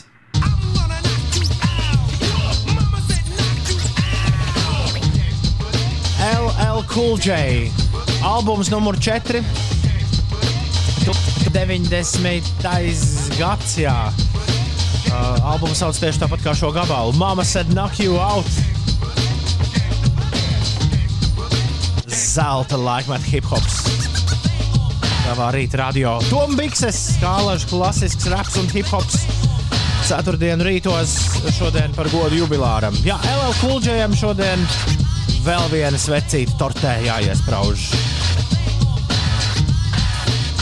Pavisam nesen mēs dzirdējām arī jaunu foršu mūziku no viņa. Tā kā uh, LL Kulģēji nevaid miris, citējot Raini. Uh, bravo, Tom! Paldies par LL Kulģai, raksta Edgars. Aldis saka, ka cik labi un skaļi zviedru mašīnā skandas skan. Bet jaunais Batmans nevar saprast, ko viņš tur dzied. I'm gonna not go out. Mama said, not go. Nē, mama said, knock you out. Mama teica, izslēdz. Izslēgt tevi. Es tevi izslēgšu. Mama teica, izslēgt tevi. Tā viņš te runā. Un uh, koda, acīm redzot, viena no roņiem ir. Viņa raksta tādas kupenes, pilnīgi gribas iekrist un pavārtīties, bet nevar jābrauc uz darbu. Es, starp citu, šo Ines un Ulu esmu novērojis, ka līdzīgi kā cilvēkiem, kuriem ļoti patīk vasara, nerādīšu ar pirkstiem, kuram, uh, kuriem patīk vasarā, tad, kad rīktīgi gāž pēc karsta laika, iziet ārā uh, peldbiksēs, pastāvēt bišķiņu lietu. Tāpat uh, roņiem ir sava izklaide. Tad, kad viņiem šī tā sasnieg uh, sniegs, tad viņi arī uzvelk peldkostīmu un iet ārā vārtīties sniegā. Nu, nē, es domāju, ka pie tik lieliem sniegiem jebkuram gribas iekrist kupenā. Es domāju, Nē. ka tu vēl neesi pamēģinājis Nē, nē. nākot no mājas uz Nē. No rīta. Nē, nē. Es tagad skriešu pēc tējas, ļoti iespējams. Es ka- izaicinu tevi izvērtīties kupenā. Kur, um, tagad. Come on, ja planšeta varēja, tad kāpēc? Kad... Jā, Paldies, ka uzlabojāt manu rītu ar ceļu policijas reklāmas. Uh, iedošanu paskatīties, Uldunines. Nopietni garstāvoklis ir augšā pa kādiem procentiem, 20 apmēram. Uh, ir precīzi 8 no rīta. Labrīt. Uh, jā, Ines, ko tu gribēji teikt? tā kampaņas rul, video rullītis nav domāts nekādam tev tur garastāvokļa pacelšanai vai kam tur. Tas jā, bet es, domāts. es neesmu autovadītājs. Līdz ar to man vispār tas tā garām iet. Labi, jā, par šo mēs varam parunāt pēc mirkļa. Tagad ir astoņi laika ziņām. Pirms uh, ziņām es teicu, es izteicu savu labo garstāvokli un uh, teicu pateicību Inesai par to, ka viņa man parādījusi ir uh, Latvijas, kas tā ir, ceļu policijas. Ja? Valsts policija. Latvijas valsts policijas uh, ceļu. Nu, Kāds ir oficiāls nosaukums tam, ko tu man parādīji? Tas ir video rullīts valsts policijas uh, kampaņai par to, lai cilvēki nebrauc kā traki. Nu, jā, un tu teici, ka tam nebūtu jāizraisa šādas emocijas manī. Nu, tam... Man vismaz tā likās. Inesē nepatika. Jā, Ines ir nedaudz sašutusi.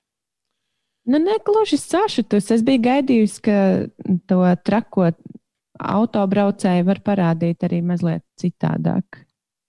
Nu, droši vien. Nav smuks, jā.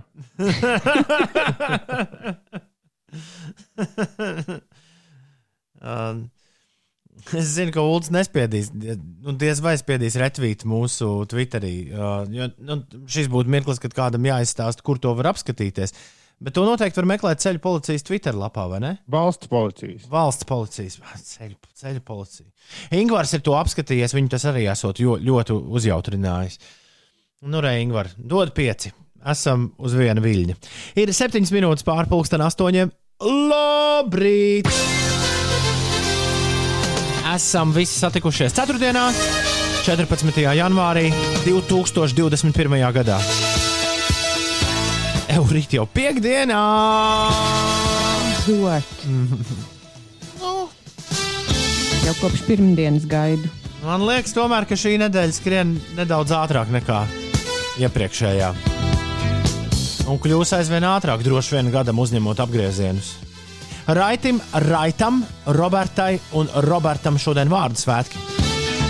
Sveiciens viņiem! Sveiciens viņiem 14. datumā. Motosportistam Kristinam Sērģim daudz laimes dzimšanas dienā. Gunteram Plūcim, Latvijas radio tehniskajam guru, daudz laimes. Kings of Leon solistam Kalebam Followilam daudz laimes dzimšanas dienā. Reizniņa One Bunziniekam, tagad Foo Fighters tētim Davidam Grolam dzimšanas diena. Stevenam Soderbergam, amerikāņu kino režisoram, no seriāliem Jasonam Batemanam un reperim LL J dzimšanas diena. Daudz laimes dzimšanas dienā, lai viņiem un arī visiem citiem, kam dzimšanas diena, viss izdodas un izdodas parādīt, kas tas ir. Nu, ja ir kaut kas tāds jāparāda, melns joks ienāca prātā. Kas īstenībā varbūt nemaz nav labs melns joks par to, ka šī ir indiešu strādnieku dziesmiņa. Jo viņi nezina, kas ir parādi. Nē, viņi parāda, kas, kas tas ir. Nu, par kastām. Ah. Nē, man labāk patīk kulda versija. Parādi. Kas tas, Jā, parādi. kas tas ir? Parādi. Parādi. Kas tas ir? Viņi māk rīkoties ar naudu. Man liekas, ka tā, Pārtikuši. kastu termins tika kaut kad vispār, tur kaut kā citādāk sauc. Nav Bet, kasts. jā, jā, jā. Dziesma par labklājību. Parādi. Parādi, kas tas ir? Jā, runājot par labklājību, klausies. Nu, nu, nu. Murkšķi, murkšķi un vēl, nu, nu ķūniņa nav maksas programma. Ķūniņa vienkārši uz čakarē metot, eh, ieslēdzot aplikāciju, tur rāda reklāmu, kuru tu vari aizvērt. Man arī sākumā izskatījās, vai, vai, vai tagad tikai par maksu būs. Bet nē, tā ir vienkārši uzlicošā reklāma pa visu ekrānu, ko tu stūrītī vari aizvērt un turpināt lietot. Viņi ik pa laikam rāda, parāda reklāmu tajā brīdī, kad tu, ja nemaldos. Ah, nē, to darīja otrs. Es, es lietoju divas lietotnes, un abās divās viņās kaut kādas bišķi reklāmas ir. Otra, kas man ļoti patīk, jo tur, tur var dažreiz tikt klāt arī citām radiostacijām, kuras uh, citur nav, ir uh, vienkārši aplikācija, kuras sauc radio.net. Uh, jā, un tur arī mēdz būt radiostacijas bišķi labākā kvalitātē. Ar, ar šīm abām divām bēdu es nepazīstu. Jā, un nav jāmaksā. Un par tām nav jāmaksā. Tām ir bezmaksas versija. Tur, jā, tur parādās kaut kādas reklāmas, bet nu, tās netraucē. Ķūniņam gan īstenībā par maksu baigi labās lietas, dod tur visādas sporta translācijas un visu kaut ko, bet nu, mēs te nereklamējam aplikācijas. Ja, tās arī, ja, ja, ja gudri pameklē, tad tās arī var atrast. Starp citu, bezmaksas. Ah. Un turpat arī viņiem iekšā. Tā, liels paldies visiem, kas izpalīdzēja Artim. Artis bija pie naftiniekiem aizbraucis Siguldā un sataisīja savas riepas un brauc tālāk, un viņš ir ļoti laimīgs. Paldies visiem, kas palīdzēja ar savām, Ar servisu ieteikumu. ar savām idejām. Un ko ir Jānis Strālis Inesei noderīgi ietvītojis? Ines pirms kāda laika žēlojās, ka saules gaiss un esot jādomā par ūdens mitrinātāju. Un Jānis Par Traulis. gaisa mitrinātāju. Jā, jā, piedod, Kur nu vēl mit- mitrāks ūdens varētu Jā, būt? ūdens mitrinātājs. Jānis Strālis raksta, ka tuvākajās diennaktīs ne tikai pēdējo divu, trīs gadu lielākais saules, bet arī sausums iekštelpās līdz ar to būs ievērojams. Un saules gaiss veicina ādas un gļotādas žūšanu un mazina spēju pretoties vīrusiem. Tāpēc tajā zobārstniecībā visur bija mitinātāji, jo saules gaiss mazina spēju pretoties vīrusiem. Un vīrusi sausā gaisā lido ilgāk un tālāk. Tāpēc Nu, vajag piesardzīties. Un Jānis Trālim esot bijis daudzus gadus ultraskaņas mitrinātājs, bet to vairs nelieto, jo, ja ūdens nav destilēts, tad veidojas sīki putekļi un slikta gaisa kvalitāte. Tāpēc vienkārši uz gāzes plīts ilgstoši karsē ūdeni lielā katlā bez vāka. Opa! Redzina Gāzi. Nu, man liekas, ka viņam Tur Viņam- nav tās viņ- smaržģiņas, kas nāk Bet ārā. viņam varbūt ir elektriskā plīts. elektriskā gāzes plīts. Es nevaru izdomāt, kurš no tiem gaisa mitrinātājiem ir labāks. Tās ultraskaņas, augstā tvaika vai karstā tvaika. Nē, mēs diez Nu, vai pēc abi divi ar. ULD, mēs diez vai ar ULD būsim tie labākie padomdevēji, kas tev Es spēs visticamāk, šo būšu tas, kurš at, bija ieteikums mazgāt veļu un, un žāvēt to vienkārši istabā kaut kur. Un Jā, vēl var slapīt vielu uzmest uz radiatoru. Okay. Arī tā es daru. Ūdens burciņu uz radiatoru pietiekoši mitrinās gaisu. Uh, jā, raksta Ivars traktorists un arī, ko tu saki? Aizskrūvēta vai vaļēja? Uh, Viņš, viņš, viņš vienkārši piebetina otrā izziņā. Nu, mums kā īpaši apdāvinātiem cilvēkiem, Vaļēji, protams. Jā. Gaisa mitrināšanai labi strādā santēva metode. Uz radiatoriem saliekot trauks ar ūdeni, piemēram, taisnība stūra kēksa formu, kradziņš raksta. Der arī ēdienu uzglabāšanas vai saldējumu kastes, bet vāciņu lūdzu neliec virsūnes. Jā, man ir problēma ar šo, jo tad, kad es aplaistu istabas augus, tur tajā apakšējā šķīvītī ir, ir ūdens reizēm. Un pat to ūdeni kaķi mēģina izķeksēt ārā. Nu, tur ir ķepu grāmatā. Ielai viņiem trauciņā. Viņiem ir, bet taču interesantāks ir tas, kas kaut kur tiek citur lietas. Tad ko viņi darīs ar ūdeni uz radiatoru burciņā? Mm. Pētersēlas ielā, tur, kur sākas ganība dāmas un iet tramvajas sliedes, ir samērā liels ugunsgrēks. Uz vietas garām braucot, saskaitīju septiņas ugunsdzēsēju mašīnas un divas policijas mašīnas. Tā mums raksta kāds klausītājs. Uh, uh, ierobežot tramvaju kustību, kā arī auto kustība. To, Jā. to jāliek ir aiz auss. Uh, labrīt, mitrinātāji ļoti svarīgi šajā laikā. Mēs spaini ūdens stabili pa dienu izdzenam ārā. Wow! Jā, apsis uz riteņa raksta. Viņš tiešām tā sev pats ir nosaucis. Vai tas ir atkal mūsu Augstā laikā viņš arī uz riteņa. Nē, nē, tas ir apsis. Jā, viņš tiešām parakstās kā apsis. Es iedomājos, cik grūti tas varētu būt. Būt apsim rakstīt īziņā, bet tam vēl uz riteņa. Vai ne? Vai ne? Uh, Ines pastāstīja, kas notiek. Ir 8,23. Labrīt! Es mazliet paturpināšu par to Pētersalas ielu. Tur ugunsgrēks ir lokalizēts, bet eh, jā, taisnība tam klausītājiem bija. Tur darbojās diezgan daudz, aptuveni 40 ugunsdzēsēji. Un, um, Uguns nelaimes dēļ bija ierobežota, vai vēl joprojām ir ierobežota transporta līdzekļu kustība un arī sabiedriskā transporta kustība. Un kā Rīgas satiksme raksta, tad, četri, tad ne, 49. maršruta autobuss attiecas uz pavisam citu vietu.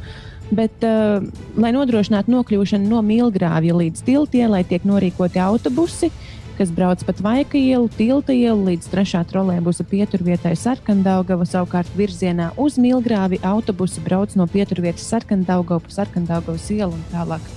Tālāk pat Vaika ielu. Un, jā, tas 49. autobusa, autobus, tur arī esot bijusi kaut kāda kustības aizķeršanās, bet nu jau tā ir atjaunot un tie brauc gala punktā Rumbula. Tas pavisam cits eh, Rīgas gals. Par laikapstākļiem šajā dienā šī būs eh, augstākā diena kopš, 1000, kopš 2019. gada. Gaisa temperatūra Latvijā būs robežās no mīnus 2 grādiem vietām kurzemē līdz mīnus 11 grādiem valsts ziemeļaustrumos. Rīgā nav gaidāmi būtiski nokrišņi, bet šeit pat varētu uzspīdēt saule un gaisa temperatūra būs mīnus 7 grādi. Rīt, Krista rakstā. Paldies par ikrīt jautro noskaņojumu, ikdienu un šo visiem. Ah, šodien, ah, Dievs! Šodien mana dzimšanas diena, smējos līdz asarām, lai burvīga diena visiem. Daudz laimes dzimšanas dienā, Krista. Man te bišķi bija īziņa mašīna sagājusi ziepē. Krista neņem vērā. Liekat spaini ūdeni uz palodzes un miers, raksta Ingvars. Un Zāne saka, ka vēl pret sausu gaisu tā kā palīdzot mitri dvieļu uz radiatoriem. Pagaid, tie man kopš uh, man nobeidzās šī te veļas mašīna, kurā bija uh, drēbi žāvētājs iekšā, un tas man vairs atsevišķi nav mitras drēbes uz radiatoriem, ir ikdiena. O, ja nav jau- raksta Mikls. tas jau Vai tu. Anglijā Mikls dzīvo? Tad kā tev ir siltums dzīvoklī? Nu, grīdas var būt siltās. Nākamreiz, kad Ā, aizbraucat, tad- nākamreiz, kad aizbrauksiet ciemos uz Angliju pie draugiem, apskatieties, pameklējiet viņiem radiatorus. Viņiem tiešām nav. Viņiem uznāk šāds, nu, varbūt reizes desmit gados uz divām dienām. Tad viņi pie kaut kādām mazām krāsniņām, mm, piec, piecos džemperos pasaules, nu pēc tam atkal normāli. Jā, nu kad varēs apciemot savus draugus Anglijā. Ah, jā, piemirsās. Čau, labrīt! Pirms gada šajā rītā lūdzu jums nodot sveicienus manai sievai, jo tajā rītā viņa man dāvināja trešo meitu, raksta Peka. Tad nu daudz laimes pirmajā gadiņā un paldies manai burvīgajai sieviņai. Peka, daudz laimes arī tev! Šis tomēr ir mazs, bet arī tavs panākums. Vislabāk pret sausu gaisu palīdz augststāvu kaimiņš, kurš nopludina tavu dzīvokli, raksta subarists. Punkts. Uz ī, es ceru, šis ir. Gadi skrien kā stirnas, bet melodijas, šo ieskaitot, paliek. Ir pusdeviņi no rīta. Labrīt, Latvija! Mēs šeit uh, šorīt uh, sākam bārstīties ar jautrībām par uh, gaisa mitrināšanu. Interesanti, cik dienas var izvilkt ēteru ar šo. Uh, es varu padalīties ar mitrumu, raksta mazais Mārtiņš. Brīžiem dzīvoklī 85% mitrums. Un, uh, Dž tur jau pelējums var iemesties? un JJ ir izdomājis, kas jādara, ja pārāk mitrs gaisa istabā. Tad tukšu burciņu. gaisa savācēji. Nē, tad ir tukšu burciņu uz radiatoru jānovieto. Bet tur vajag kādu gardumu iekšā turēt. Un arī, arī, arī Lai tā, tas mitrais gaiss grib tādā burciņā ielīst. yes, yes, rīsus. yes, yes. Un tēvs, uh, tēvs Kraukšķis raksta, pret sausu gaisu palīdz mitrs gaiss. Hei, bet pareizi. Uldi, ja tos telefons liek, uh, kuri slapji rīsos, tad jau arī gaiss ar gaisu var droši vien ar rīsiem. tā teikt. Sasausināt. Vai tu parasti nelika sāli? Nē, Bet rekur Mārta. Telefonā. Nē. Lai savāktu mitrumu gaisa. Uh, Rekurūlis ir. Nē, es atvainojos. Mārtiņš ir atrakstījis. Ir e-pastu, viņš raksta. Ines pie tvaika, tie tvaika un ultraskaņas uh, ir izmesta nauda vējā. Manā gadījumā vēl naktas skapīti sabojāja. Es pats lietoju Milips gaisa mitrinātāju un attīrītāju un iesaku arī citiem. Bērnam iesnas un puņķi jau pirmajā lietošanas dienā pazuda. Un kāds mums ir Twitterī atsūtījis 28 minūtes garu pēt, nu, video, kur ir izpētīti visi iespējamie mitrinātāju veidi. Un tā kā mums ir precīzi 29 minūtes uh, ētera Ētera? laika, tad es spiežu play un sāku stāstīt. aiziet, aiziet. Nu, nu. Redzams, uh, kungs, kurš nu, tur ir droši vien kāds trīs minūtes ieva. Nu, labi, es es, tagad. tad es tikmēr varu vēl astronautu uzlikt, kamēr sākas kaut kas interesants. Ines, es tev nosūtu to vid- video. Nu, labi. Skaties pati. Tēvs Kraukšķis saka, ka vispār šāds live hack stūrītis eh, katru rītu varētu būt plus mīnus ok saturs, kā šorīt par nu, tiem. O, Un vakar. Un aizvakar. Man šķiet, ka jau nedēļas sākumā Ines sāk runāt par gaisa mitrināšanu. Tas ne, tā nebija viena no pirmajām sarunām, kas mums šonadēļ vispār bija. Varbūt jā, bet man ir tad vēl viens jautājums. Life, life, life, life hack stūrītim. Jo uh, man ir va- vajadzīgs ieteikums bez zaķu salas un vēl tām Rīgas dažām populārākajām vietām, kur tā forši pamācīt cilvēkam braukt. Es esmu redzējis, ka daudzi tagad pandēmijas laikā pa Dolas salu braukāja uz rīņķi. Nu, ar oficiāli ar baltajām tiesībām un ar M zīmēm, bet uh, gribas kādu mierīgāku vietu, bet kur var arī nu, nu, tā normāli pastūrēt. Tieši pa ceļiem? Jā, jā. Nu, kur nav liela satiksme, bet kur ir, nu, kur ir kaut kas vairāk nekā tikai ieskrieties un apstāties. Šobrīd vēl kaut kur ir liela satiksme palikusi. Uz savu tiltu es šobrīd skatos uz satiksmi, ir nepajokama satiksme. Hmm. Nu, Jā, ja kādam kāds labs ieteikums, skaidrs, ka, Uldim, tad uh, skaidrs, ka tās pārējās mašīnas netraucē, bet, un, un jāpierod pie tām, bet nu, reizēm gribas arī vienkārši, nu, lai var pierast pie mašīnas un tā, lai tā mierīgāk. JJ, Nav tā, ka vislabāk ir pa naktīm braukāt. Varbūt arī jā. JJ saka, ka uz zilupu tev jābrauc. Bet gribas jau Man pa liekas, ka- gaismu, Ines Uldim, mācīt. Vispār šis būtu. Šī būtu laba doma, ka, uh, nu, ja tu negribi iet autoskolā visus tos mēnešus vai nedēļas vai cik, tad ir viens brauciens uz Zilupu vai, es nezinu, uz Prāgu, piemēram, un ja tu aizbrauc, tad uzreiz dabū tiesības. es jau mācīju braukt pa Mārupas ielu. Nē, Mārupas pa Mārupas ielām, jā, raksta taksists Dīdzis. Un uh, Andrejs iesaka Uldi veco Jelgavas šoseju, Jaunmārupas autobusu galapunktu pie lidostas mazās ielas. Asties, viens Tā un lidost vispār varētu būt laba doma, jo tur taču šobrīd nebraukā daudz. Jā, lid... pa skrejceļu turpu šurpu.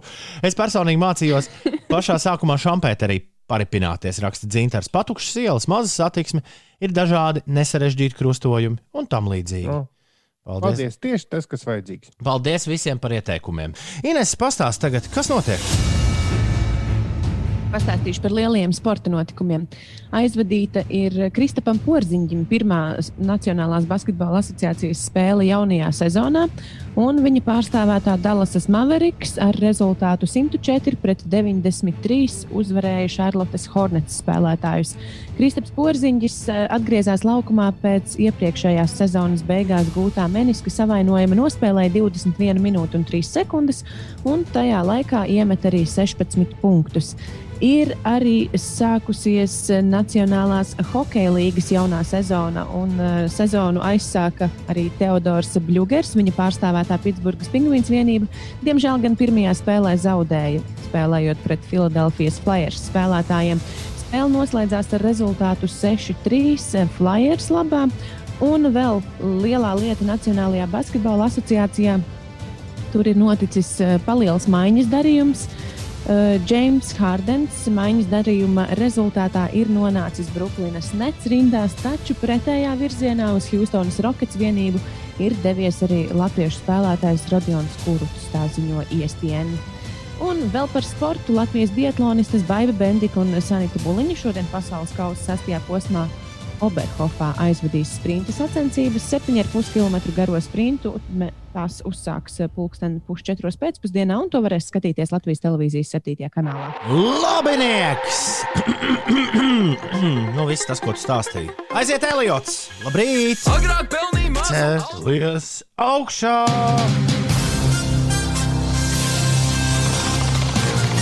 Kas tad nu būs? Ko? Nu, nu, kādam ir kāda varianta? Kas ir gaidāms un sagaidāms? Interesants. Kas tad? Kaut kas interesants. Interesantās varbūt. ziņas. ne? Interesantās ziņas. Oh, labs ir ķeramies klāt interesantajām ziņām. Laba doma.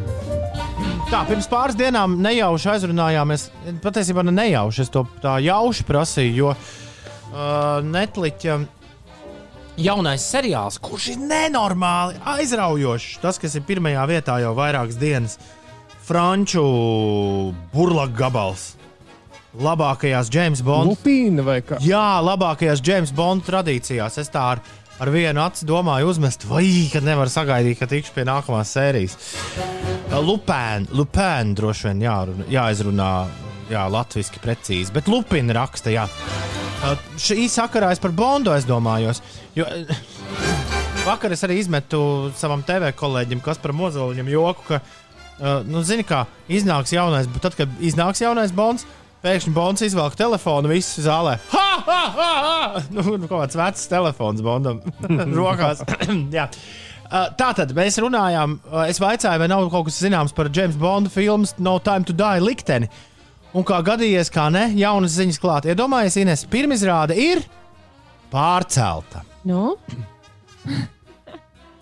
Tas nu gan Tātad pārsteigums. filma, kur bija plāts, plānots sākt rādīt jau 2019. gada oktobrī, bet tad no filmas režisēšanas radošo nesaskaņu dēļ aizgāja režisors Denijs Boils, Transportinga autors ja, un, un Slumdog miljonārs. Uh, filmas pirmizrāde pārcēla uz 2020. gada februāri. Tad, sākoties pandēmijai, filmu nu jau režisora Kerija Džordžija Fukunagas vadībā pārcēla uz novembri. Tad uz šī gada aprīli, bet tagad pagaidām neoficiāla informācija liecina, ka Bonda filmas ā, faniem atkal nāksies nedaudz pagaidīt. Tā kā kinoteātris ir un vēl kādu laiku būs slēgta, tad filmas pirmizrāde ir pārcelta uz novembri. Un izskatās, ka Bonda producenti kategoriski ir nolēmuši nepadoties straumēšanas vilinājumam.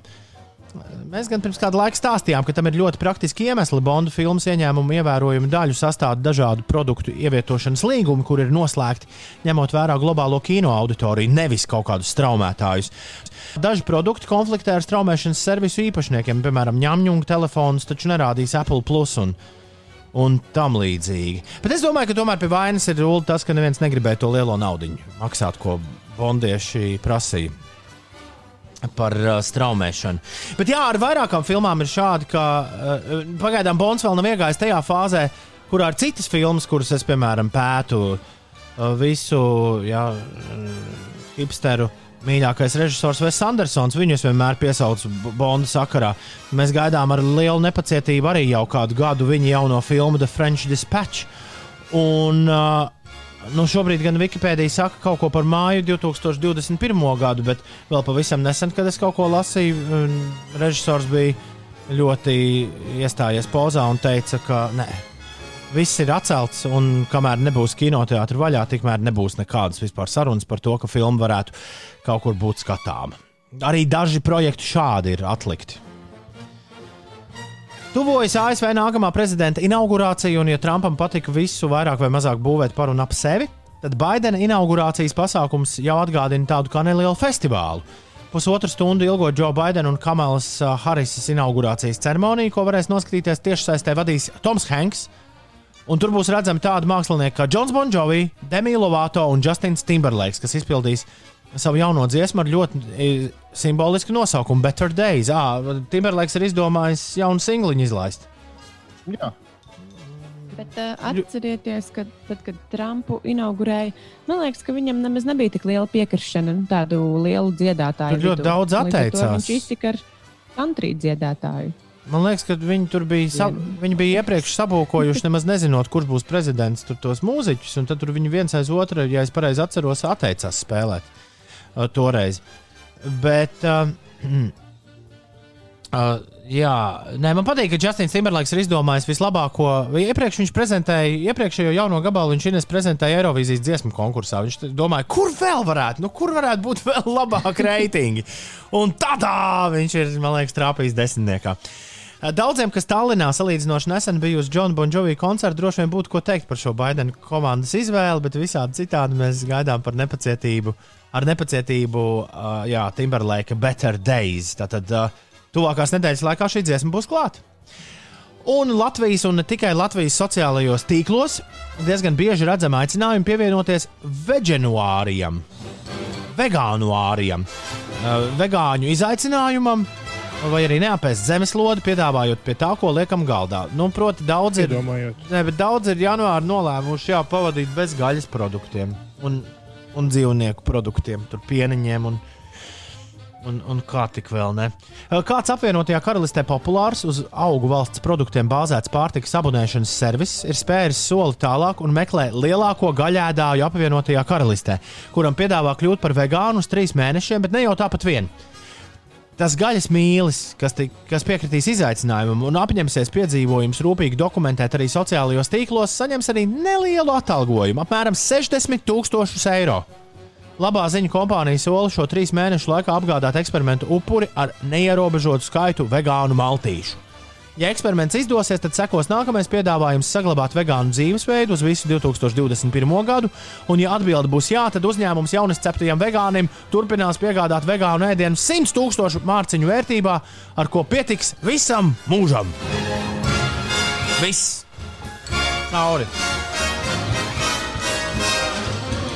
Ja ar labu nebeigsi gaļu ēst, tad uh, atnāks bagāta auguļa un tev samaksās naudu.